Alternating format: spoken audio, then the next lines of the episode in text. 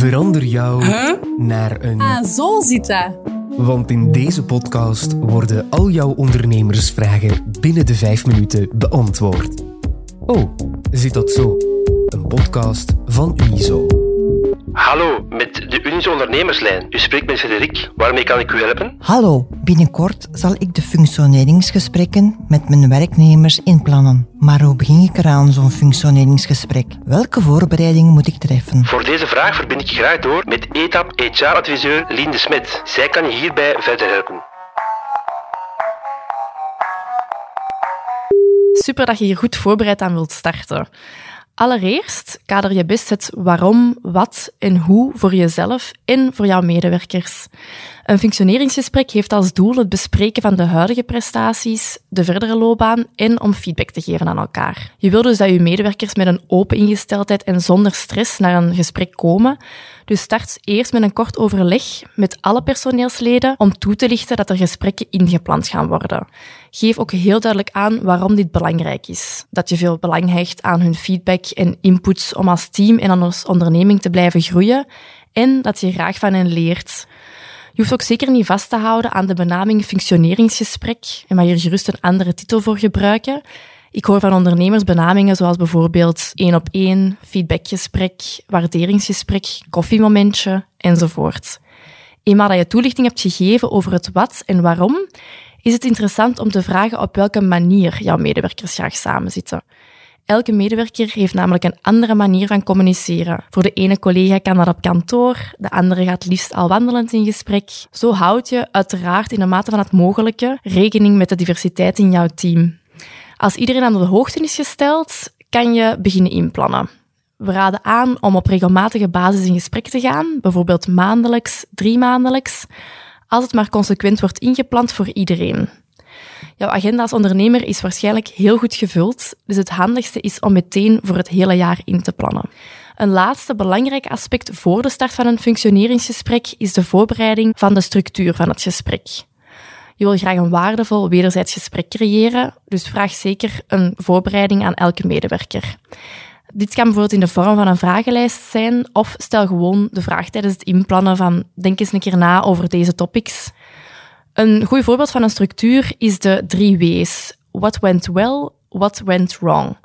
En daarop volgend kan je vragen, wat kan ik als werkgever doen om jou te ondersteunen?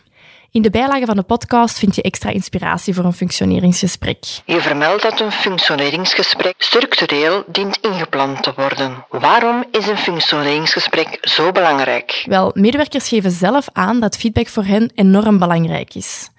In organisaties waar feedback geven en krijgen geen gewoonte is, zien we dat medewerkers dit echt missen. Uit het voeren van gesprekken kan je dus weten wat er werkelijk speelt in een organisatie, wat medewerkers belangrijk vinden. Dit weten is echt van onschatbare waarde voor een sterk retentiebeleid. De feedback van collega's, leidinggevenden en ook klanten zorgt ervoor dat medewerkers leren uit wat ze goed doen.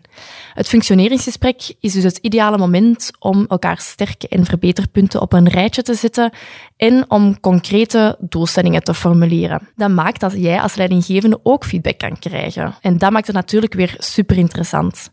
Feedback zorgt gewoon voor een betere motivatie, persoonlijke ontwikkeling, functioneren en het bevordert de samenwerking op de werkvloer. Het sterke aan functioneringsgesprekken is dat de focus ligt op de toekomst. Op groei, op ontwikkeling. Iedereen heeft er dus eigenlijk baat bij. En dan nog dit. Ik moet bij sommige werknemers ook negatieve feedback behandelen. Maar hoe doe ik dat? Hoe breng ik slecht nieuws over? Ja, mensen opbouwende feedback geven is niet evident. Hou vooral voor ogen wat je wil bereiken. Je wilt met feedback de anderen laten groeien. Tracht dus om feedback te geven vanuit verbindende communicatie. Je wil dat jouw feedback overkomt op een positieve, constructieve manier. Dus als je feedback wilt geven, check dan eerst en vooral twee zaken. Als eerste, check de mindset, check het moment. Past het nu? Heeft de persoon tijd om te luisteren naar jouw feedback? Uw feedback gaat niet goed binnenkomen bij iemand die een enorm drukke dag heeft en die met zijn hoofd volledig bij zijn to-do-list is. Als het dan eenmaal past, dus als je de mindset hebt afgecheckt, creëer dan de juiste setting zorg dat jouw intro duidelijk is, zodat de persoon heel aandachtig is. Bijvoorbeeld, ik ga je iets vertellen dat je misschien wel plezier doet, of ik ga je iets vertellen dat je misschien niet graag zal horen.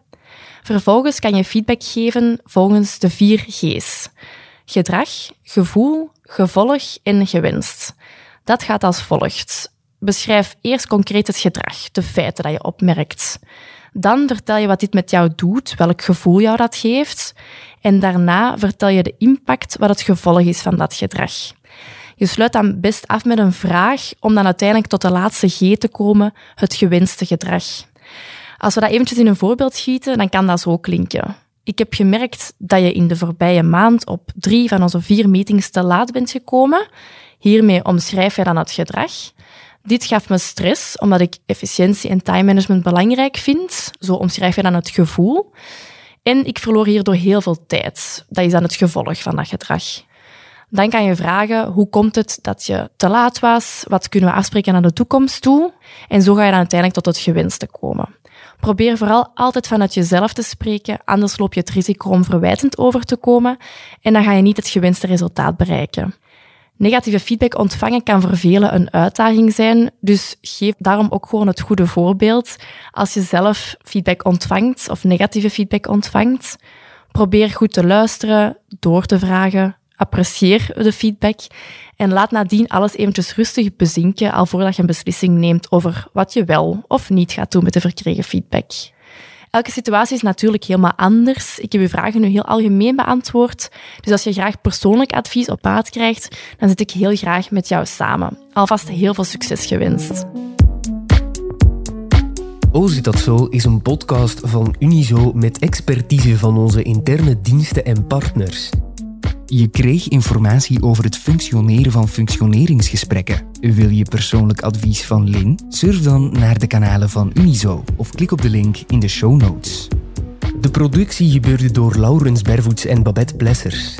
Eindredactie was in handen van Philip Horemans, Jurgen Muis en Jasmina Plas. Ben je lid van Unizo? Dan kan je net zoals de ondernemers in deze podcast contact opnemen met de ondernemerslijn voor gratis advies. Dat kan gemakkelijk op het nummer 02 21 22 678. Wil je beroep kunnen doen op onze in-house expertise? Maar ben je nog geen lid van Unizo? Ga dan voor samen ondernemen en surf als de bliksem naar www.unizo.be.